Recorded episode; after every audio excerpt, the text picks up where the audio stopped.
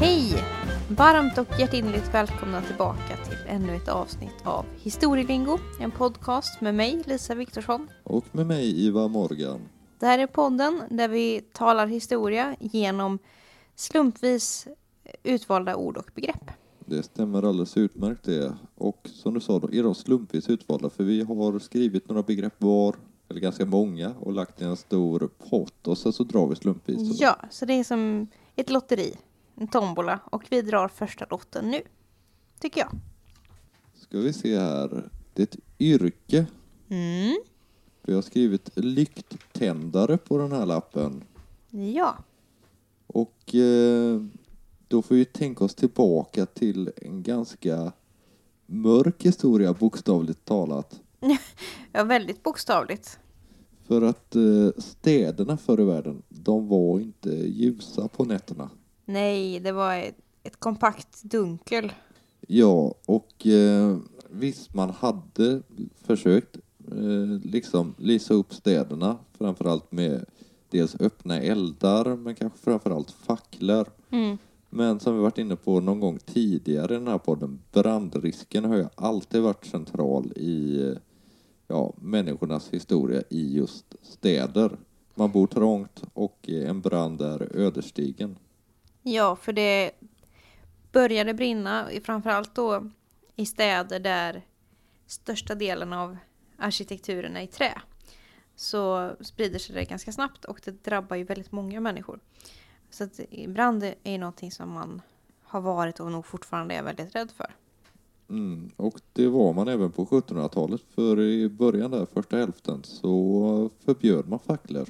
Mm. Det, det funkar ju liksom inte att man har en massa träbyggnader och sen så har man facklor ute på gatan liksom som brinner för att det kan sluta i total katastrof. Ja, och inte sällan så var ju de här facklorna också fästa på fasaden då. Mm, och det är ju en vindpust bort att det... Det, ja, att allting fattar Mm. eld. Så då tänker man runt 1750 då att eh, vi ska ha en allmän gatubelysning Mm. och nu pratar jag Stockholm. Och då ska det främst vara oljelampor för de är ju mycket säkrare än eh, vanliga facklor. Och eh, mycket på grund av att man har den här kupan liksom med glas runt själva lågan. Och eh, så att man inför liksom ett nät i hela Stockholm med eh, gatubelysning med just oljelampor. Mm. Eller eh, vargögon som de kallades på den tiden. Ja, för Ja, de, de lyste ju inte upp så mycket som dagens gatubelysning gör.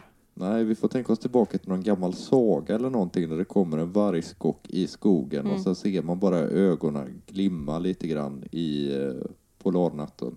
Nej, ja, så det var ju... Och jag kan tänka mig att mellan de här gatlyktorna var det nog ganska mörkt fortfarande då. Så att, eh, så. Men, men det, var, det funkar väl mycket som en ledbelysning också. Ja, det får man absolut tänka sig. Och eh, som jag sa, den var inte så stor den här allmänna gatubelysningen från början. Nej. Men sen så inför man en kunglig förordning att alla hus ska ha lampor som vetter mot gatorna. Mm. Och då får man liksom bekosta själv då om man har ett hus så får man bekosta de här. Men man behöver ju någon som tänder upp de här lamporna varje dag. Ja, för det är ju inte automatiskt som det är idag. Nej, verkligen inte. Och då föds ett nytt yrke och då, där har vi då våra lykttändare. Och de fungerar då liksom att de gick runt, de hade ett distrikt som de var ansvariga över. Så vid en specifik tid som var bestämd så gick man ut på sin runda liksom. Man eh, hade med sig en liten stege och sen så klättrade man upp och tände eld på de här eh, lyktorna då så Mm. att de eh, började lysa. Sen så var det också en annan grej som ingick i arbetsuppgiften.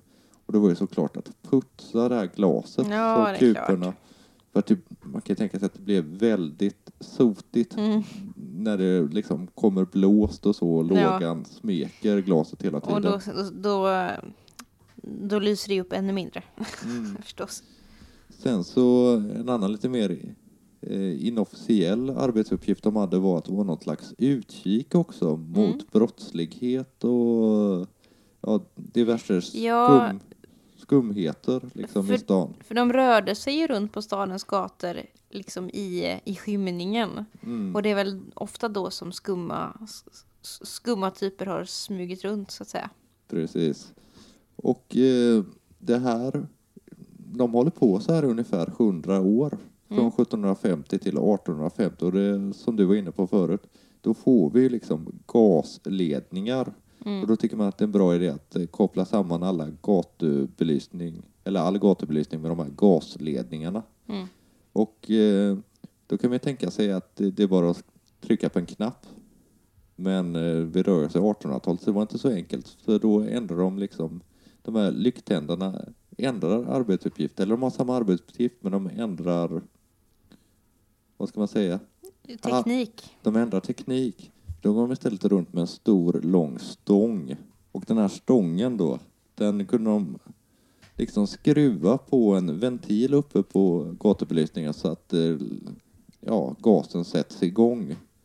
Och eh, det här var ju såklart lite enklare än det de hade tidigare. Ja, släpa och konka på stegar och sånt där.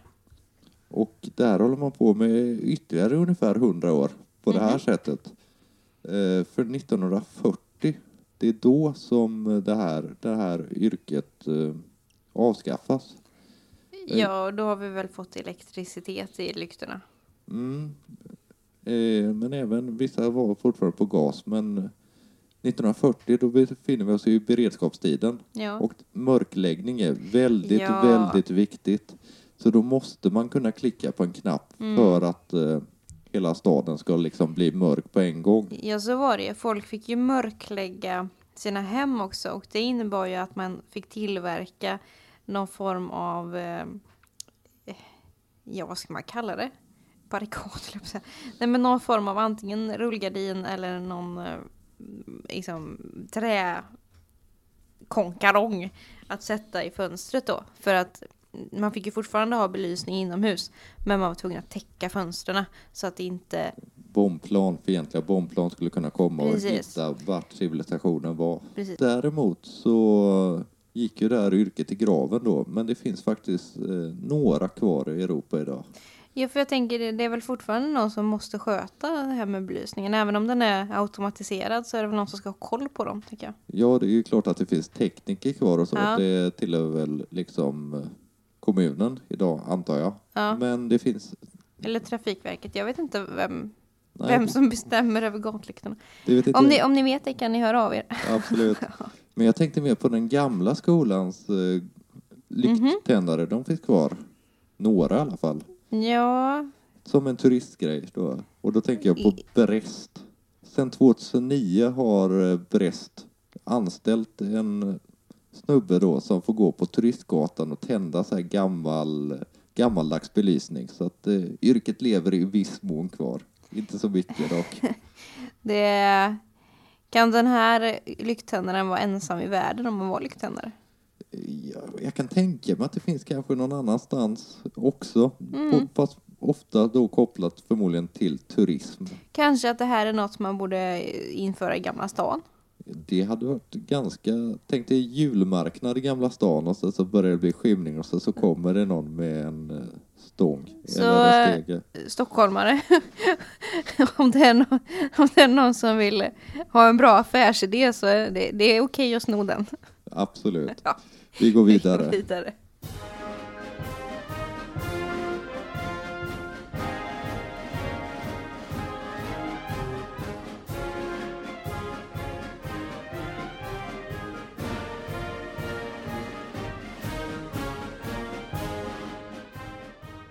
Här läser jag kanon. Ja, eh, det är ju ett ord som eh, kan ha, kan ha flera betydelser. Man kan också läsa kanon. Men det gör vi inte nu. Nej, Nu läser det, det, var, kanon. det var kanon du syftade till när du Ja. skrev den här. Eh, och det här är ett lite så här omtvistat begrepp. Mm. En del begrepp vi tar upp i den här podden är ju lite kontroversiella. Mm. Och det här är ett väldigt kontroversiellt begrepp.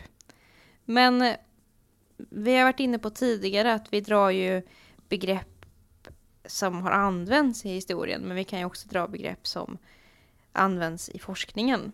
Ja, verkligen. Och det här är ett sånt begrepp som används mycket inom humanistisk vetenskap. Mm. Ska vi börja med att förklara vad en kanon är? Ja, eh, det, det, själva ordet kommer ifrån grekiskan och betyder, måttstock. Mhm. Och kanon eller kulturkanon som vi kanske ska säga. Eh, det är ett mått på vilka verk, och då pratar vi konst och litteratur framför allt, vilka verk som är värda att komma ihåg och vilka som har haft betydelse för att driva samhällsutvecklingen framåt. Mm. Ehm, och då, det väljs då ut då vilka verk som har varit banbrytande och särskilt då liksom framträdande att de har på något sätt drivit samhälls, den stora samhällsutvecklingen vidare. Och det här är en otroligt infekterad debatt. Ja, verkligen. Det är utspel var och varannat Ja, år liksom. och Där det, det- blir en debatt. Det som det framförallt är kritik mot det är ju att kulturkanon appliceras på skolan. Mm. För det är ju någonstans alltid någon som har bestämt vilka verk som ska ingå i den här kanonen då. Mm. Och eh, det är ju till att börja med väldigt mansdominerad kanon oftast. Men det är också en väldigt eurocentrisk Ja, Kanon. verkligen. Och det är väl det som, det är också ett begrepp som, som vi ska lyfta i det här sammanhanget, eurocentrism. Att den här kanonen, det är ju utifrån ett västerländskt perspektiv. Ja, det är europeiska författare som lyfts. Ja, euro- europeiska och amerikanska skulle jag Ja. säga. Eh, och ehm, man glömmer lite resten av världen. Och eh, anledningen till att jag tog med det här begreppet är för att jag tycker att det är vi har ju övervägande delen av begreppen är ju eh, ord som också har använts i sin samtid. Mm. Men jag tycker det är roligt att stoppa in begrepp som används i forskarsamhället idag. Ja, Också. verkligen. För att det är ju hur vi använder historia idag. Det, det är också intressant kan jag tänka mig att, eh, att diskutera. Och det här ordet är någonting som man stöter på som du säger i, i media eh, lite nu och då. Och eh, det kan vara intressant att, att känna till vad en, vad en kanon är för någonting. Och ehm, det är ju liksom inom kultur då framförallt. Så konst, litteratur och film och eh, och så. Musik. Musik också förstås. Ehm, och inom historievetenskapen så är det väl framförallt liksom litteraturen som har ehm, vissa filosofiska verk och så vidare har ansetts vara viktiga för att samhället ska utvecklas och så vidare och andra har glömts bort. Och blivit kanoniserade för man kan ju göra ett eh, verb Mm, på ja, det hela precis. Och ehm, vi har varit inne på förut att historia handlar väldigt mycket om att välja och välja bort. Och det är ju det man gör. När man gör en kanon så väljer man några verk, men framförallt så väljer man ju bort väldigt många. Ja, verkligen. Och eh, tanken är ju något man kallar perennalism, det vill säga tanken om att någonting som består över tid mm, och är utvalt eftersom man tänker att det här är så bra så att det här måste överleva och då ska vi pränta in det i nästkommande generation. mm. Och eh, det här är ju någonting att liksom, bi- bibehålla den här kanonen. Det är någonting som vi allihopa i hela samhället hjälps åt med. Eh, genom att vi trakterar viss typ av kultur. Ja, till exempel Mozart. Vi, när man lyssnar på Mozart liksom, Mm. så har varenda generation gjort det sedan Mozart levde. Mm, Ja, och på sam- samma sätt som vi kan ta Don Quixote eller eh, Frankenstein eller Unge Werthers lidande eller ja, ni förstår konceptet. Att vissa verk har ansetts vara viktigare än andra. Och eh, ja, det här är ett eh, infekterat begrepp om huruvida man ska ha en kulturkanon eller inte och huruvida man ska uppmuntra att bibehålla en kulturkanon eller inte. Och vi tar inte ställning i den här frågan. Nej, det vågar jag nog inte göra. Nej, i, Det, det vågar man inte. I alla fall inte i offentligheten. Nej, ehm, jag tycker det också är en väldigt svår fråga. Mm. Att veta vad man, vad man ska tycka om för att det är... Ja, det är infekterat och det är eh, komplext. Men, men jag vill ändå liksom lyfta fram att det här är ett begrepp som, som används och eh, som sagt, man, man kan stöta på det i den offentliga debatten då och då. Vi går vidare va? Vi går vidare.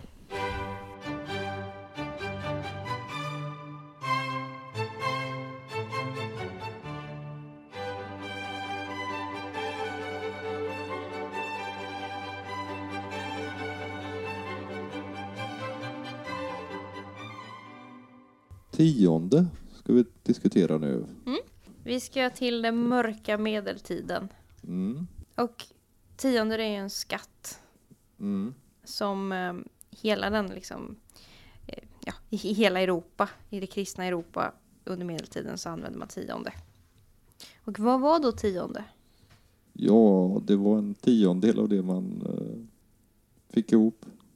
Ja, ehm, Som Det- då gick vidare till överheten. precis. Varje bonde runt om i landet, i Sverige så börjar man med tionde på 1200-talet. Och ehm, en tiondel av allting man producerar ska ges till kyrkan.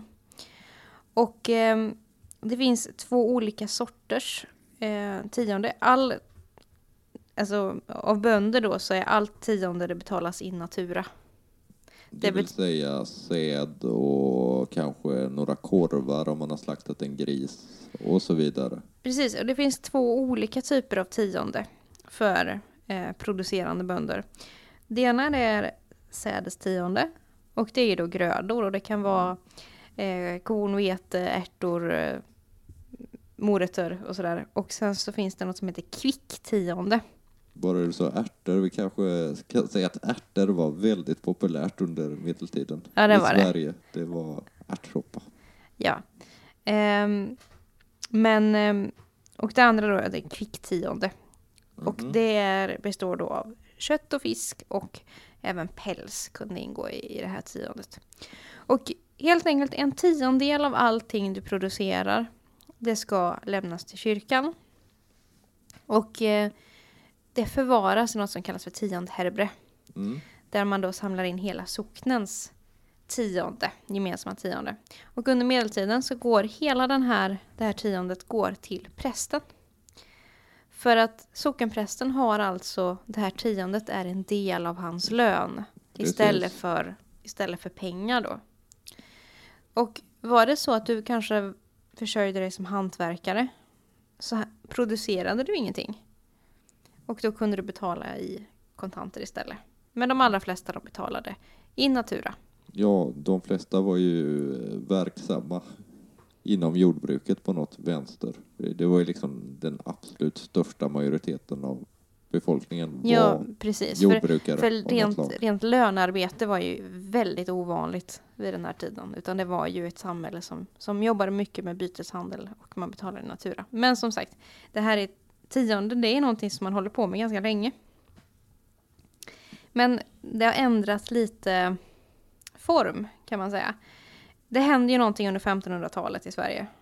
Ja, kan det vara den där lilla händelsen med kyrkan vi har varit inne på några gånger? Ja, och ehm, i och med reformationen så får ju kyrkan betydligt mindre makt i Sverige. Eh, extremt mycket mindre makt än man hade haft tidigare. Och eh, kronan får desto mer att säga till om. Och då tänker man ifrån kungligt håll att det där tiondet, det kanske hade varit något. Alltså det hade ju varit trevligt. Jag vet att de där nere gör ganska goda korvar. Och så tänker Gustav, tänker Gustav Vasa liksom. Och han där borta, han brygger ganska gott öl. Kanske jag ska ha en tiondel av det. Ja, och då tänker han att det hade varit något. Och då, då tänker man från kronans håll att vi delar på tiondet. Då kan man tänka att prästen får halva tiondet och då den liksom världsliga överheten hälften. Men så var det inte. Utan två tiondelar gick till kronan, en tiondel behöll prästen. Så att prästen drog ju liksom in då sitt tionde, men två tredjedelar av tiondet skulle han då lämna till den världsliga makten. Och ehm, ehm, det kallas då för kronotionde, den, som, den delen som kronan tar. När det gäller liksom kyrkans värld.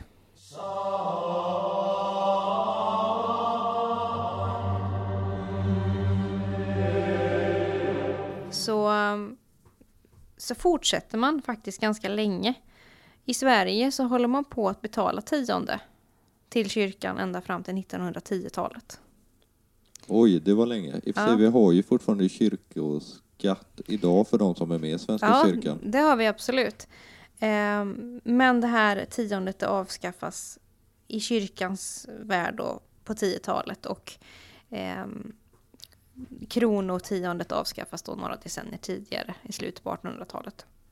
Medan då kyrkans tionde eh, finns kvar.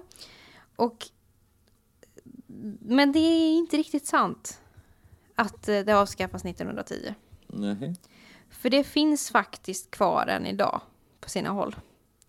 Det är nämligen så att i vissa frikyrkor, framförallt i mormonkyrkan, så betalar man fortfarande idag 10% av sin inkomst, av sin lön. 10% av sin lön betalar man faktiskt till eh, präster och pastorer fortfarande.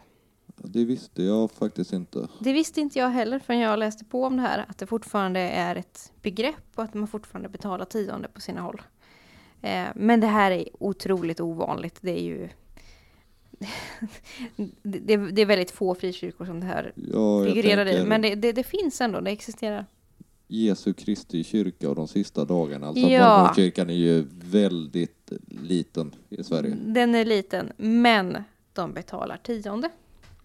Och eh, inte bara i Sverige då, utan globalt. ja, nej men tionde, det var, det var nog ganska tufft ofta. När man hade det svårt att hanka sig fram och föda liksom Eh, sig själva och barn och kanske dessutom tjänstefolk och kanske äldre föräldrar och så vidare. Och så dessutom behövde man då som producerande bonde ge bort en tiondel av sin produktion.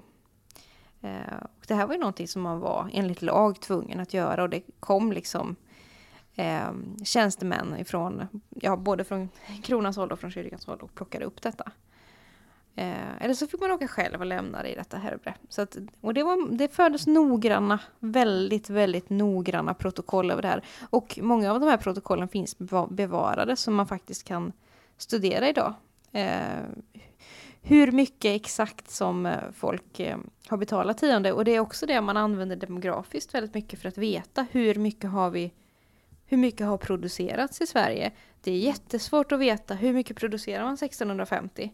Men genom att kolla på det och eh, räkna då vad Ja. som blir 100 procent av det tiondet. Ja, de 10 alltså det är bara att ta, ta gånger 10 för varje person i socknen som har ehm, En gård eller som är uppskriven liksom. alla som har lämnat tionde och så tar man deras summa av någonting gånger 10 och sen räknar man ihop hela socknen. Det är ett jättejobb naturligtvis men det finns många historiker som tycker att det här är jätteskojigt att sitta och eh, räkna.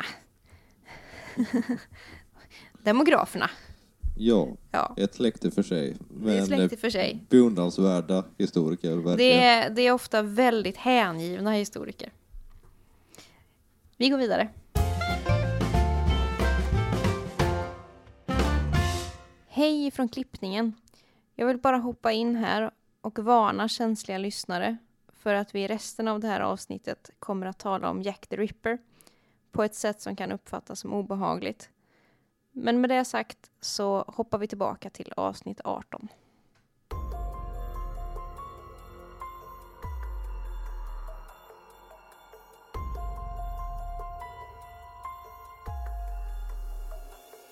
Jag tänker vi tar ett sista begrepp för eh, den här sessionen. Och det här har du skrivit. Och nu skulle man kunna tro att vi ska tillbaka till Nationalteatern, men jag antar att vi ska tillbaka ännu längre. Vi ska till de mörka gränder i det smått gotiska London Mm. under 1800-talet. Det här är en ganska snygg övergång nu för du talade tidigare om lykttändare. Och det här är en man som, eh, som nog var ganska rädd för lykttändare. Och jag talar förstås om Jack the Ripper. Ja, det går en mördare lös på stan. Ja, det gjorde det. Och det här är ju kanske första gången som vi har en person med i historielingo. Men jag tyckte att han fick vara med för att det är ju ingen som vet vem Jack the Ripper var. Nej, Och vi vet inte med säkerhet att Jack the Ripper är en person. nej, det kan ju såklart vara många. Men det är ett jag, fenomen. jag tror väldigt många har en klar bild över hur han såg ut. Man Mm. tänker sig någon slags cap, man tänker sig en skalpell, man tänker sig en hög svart hatt. Vi kanske ska börja liksom, nu känns det som att vi börjar lite i fel ände. Vi kanske ska börja med vad, vad, vem Jack the Ripper var, vad han gjorde, för det kanske är någon som, som, inte känner till det. det. Det här är också ett ämne som jag tycker är lite läskigt att tala om, för att jag vet att det finns väldigt många Jack the Ripper-nördar där ute, har jag förstått. Så att eh, jag får be om ursäkt på förhand om jag, om jag har fått något om bakfoten. Ehm, men Jack the Ripper är ju då en okänd man som står bakom en serie mord i London under 1888.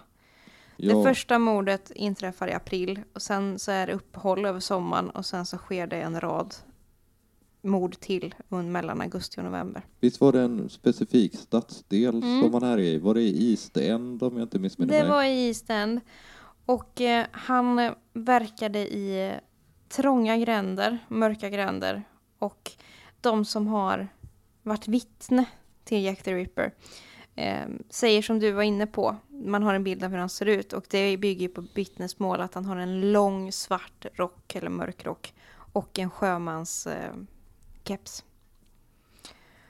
Och eh, vad gjorde han då? Jo, han, eh, som man hör på namnet Jack the Ripper, han eh, knivskar helt enkelt kvinnor till döds. Mm. Och det var prostituerade kvinnor. Och han nöjde sig inte med att döda dem utan han eh, skändade också deras kroppar. Eh, och det här är, det är lite oklart hur många som föll offer för Jack the Ripper. Eh, det är lite oklart för att man vet inte, det förekommit mord där eh, det är oklart om det är Jack the Ripper eller någon annan mördare. Det finns fall där man inte har kunnat identifiera mordoffret. Och sådär, så man vet inte exakt. Men när det har blivit en rättssak om det så är det 11 mord som utreds Mm. som orsakade av Jack the Ripper. Dessvärre så brukar det ofta vara så när det går seriemördare som blir berömda brukar ofta komma så kallade copycats liksom Mm. också. Och jag antar att det, mycket av det här kan bero på en del copycats också. Kanske inte just de där elva men att det blir folk som helt enkelt kopierar Ja, mördaren. och, och därför så vet vi ju inte exakt hur många som Jack the Ripper mördade. Men det sattes till en jättestor utredning och det var hundratals män som misstänktes och stundom handhölls. Men det fanns ingen som man kunde styrka att ett brott hade Nej, man begåtts. kunde inte binda dem till Nej. platsen och, och till kvinnorna. Och eh, det gjorde ju liksom att man fick aldrig fast på Jack the Ripper. Och vi vet fortfarande än idag inte vem han var eller vilka det var, för det kan ju också varit en liga, det vet man inte. Ehm, men han hade ett tillvägagångssätt. Och det är det som gjort att man har bundit ihop de här elva kvinnorna, det är att han har samma tillvägagångssätt. Han Ja, okej. smyger sig på prostituerade kvinnor i East End, i mörka gränder. Och han kniv, äh, skär halsen av dem. Och sen så kör han kniven i eh, centrala organ. Och i några av de här fallen så har han dessutom då tagit med sig de här organen. Framförallt är det livmodern han har skurit ut. Då. Han, han vanställde dem något oerhört. Och eh, han gjorde det i mörka gränder, men han gjorde det inte liksom helt ensam, utan han gjorde det snabbt, effektivt, så han måste varit kunnig anatomiskt. Han visste Ja, vart organen satt. Och han det- gjorde det på några sekunder och han gjorde det i absoluta närheten av andra människor. Därför finns det många vittnen till Jack the Ripper, men det finns ingen som kan ha kunnat sett hans ansikte. Nej, det har jag också hört. Den här teorin om att han förmodligen var kanske läkare Mm. eller fältskärare eller någonting. Han måste ju för att, alltså gemene mans kunskap om liksom, den anatomiska kroppen 1888 var ju inte kanske jättegod. Så att han hade ju kunskap om, han visste vilka och det här var ju uppenbarligen en man som hade någonting väldigt starkt emot prostituerade och förmodligen emot kvinnor generellt. Just eftersom att han tog livmodern som ju blir väldigt symboliskt. Verkligen. Och han, ehm, så han, så han borde ha varit anatomiskt kun, kunnig på något sätt då. Och ehm, det sätter ju en enorm skräck i London naturligtvis. För att eh, alla var ju rädda för, för Jack the Ripper. När skulle han slå till nästa gång? Och eftersom att man aldrig fick fast någon så var ju det här en skräck att den här, de, den här människan har ju gått, gått lös bland folk. Mm. Och han gjorde det ju väldigt obehagligt. Många var ju, blev ju tragiskt liksom vittne till de här morden eftersom att han gjorde det bland folk. Han drog in, ni kan tänka er själva, en smal gränd och sen så drar han in en kvinna där och eh, gör det på några sekunder. Ja, man får väl tänka också så här att den här myten om Jack the Ripper Mm.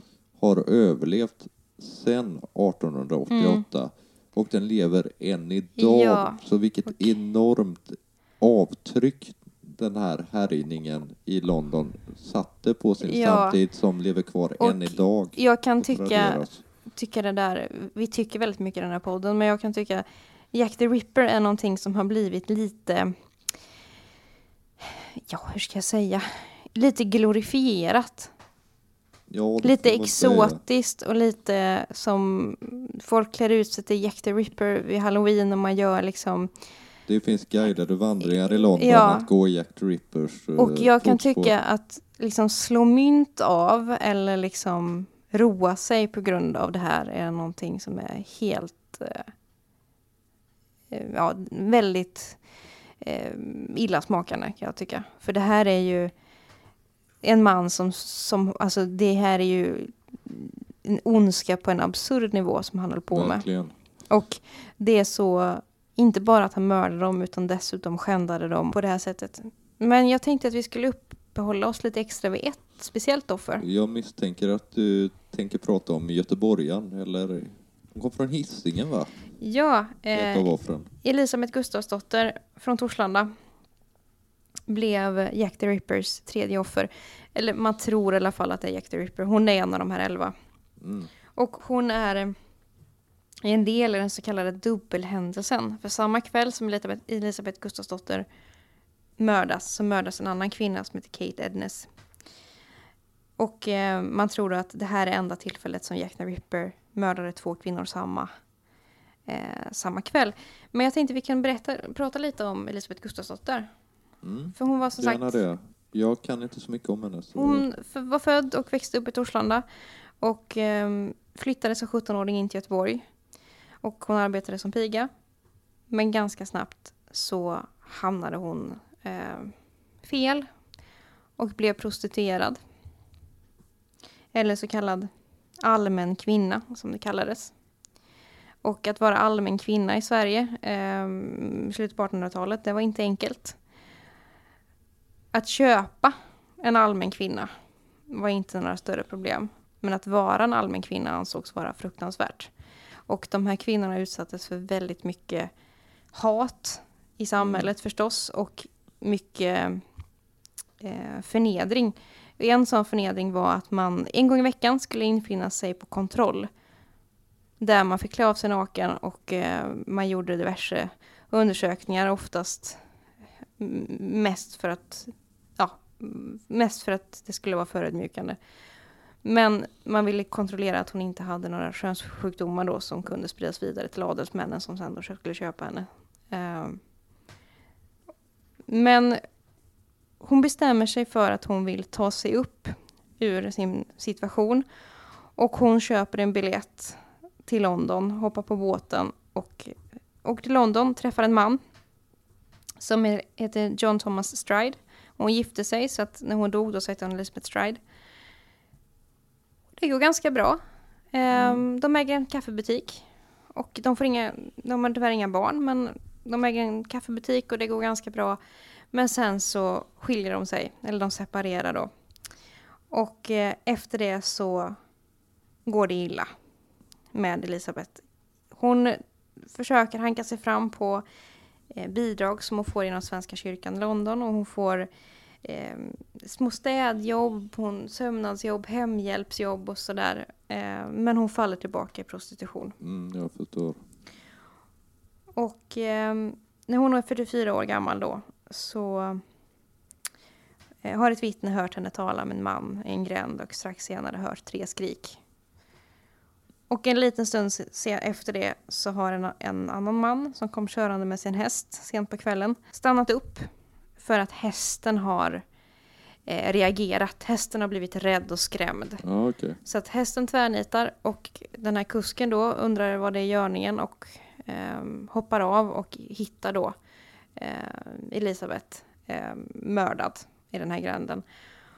Men hon skiljer sig lite från de andra Jack the Ripper-offren för att hon har bara halsen avskuren. Han har inte gjort något mer med henne.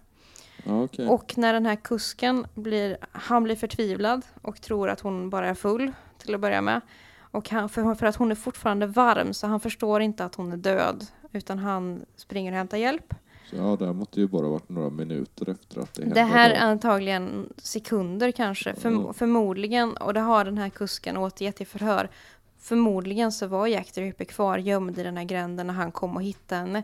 Men han tänkte inte så för att han trodde att det var en kvinna som låg och var avsvimmad eller sådär. Så att, eh, eh så att man, ja, man letade inte tillräckligt snabbt för att den här kusken då han eh, han sprang och hämtade hjälp för att han trodde att hon fortfarande var i livet för hon var varm och sprang och hämtade hjälp och eh, sen då när hjälpen kom och man konstaterade att hon var död då så var ju eh, den här mannen borta, Jack the Ripper borta.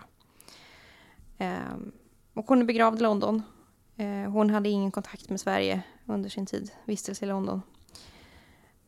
Eh, och ja, det, det, det här är, tycker jag, nästan som man ryser lite. För det här Ja, är en, det- någonting som är otroligt kusligt och nästan så att det, nästan så att det skulle vara påhittat våld.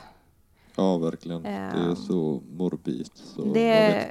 Oerhört morbid och eh, det är också väldigt hemskt att vi fortfarande inte vi vet ju inte vem som, vem som gjorde det och vad, vad det var för galning. Det kan ju varit vem som helst som eh, hade det här som liten hobby. Och som sagt, 11 stycken har figurerat då i det här i utredningen, men det är ju, kan ha varit fler och det kan ha varit färre, för det är inte säkert att alla de här då som du sa, det fanns copycats förmodligen, kan, kan ha funnits också. Så man vet inte om alla liksom blev mördade av Jack the Ripper, men... Men... Ehm, ja, det, det var det, lite, lite... Sluta lite i moll idag, men jag tycker det här är... är morbid och som jag sa förut, att jag tycker det här är någonting som man ska sluta klä ut sig till på, på maskerader och eh, Verkligen. sådär. För det är eh, väldigt många eh, liv som blev förstörda på grund av Ripper. Men eh, nästa vecka hoppas vi väl att vi har lite muntrare Ja, tongångar i historielingo. Men innan vi lämnar er så kan vi bara nämna att det går att höra av sig till oss också. Vi har en e-mailadress som är historielingo.gmail.com Ni hittar oss också på Facebook och Instagram och där heter vi historielingo. Med de orden säger vi väl adjö, så adjö. Ha det gott, hej!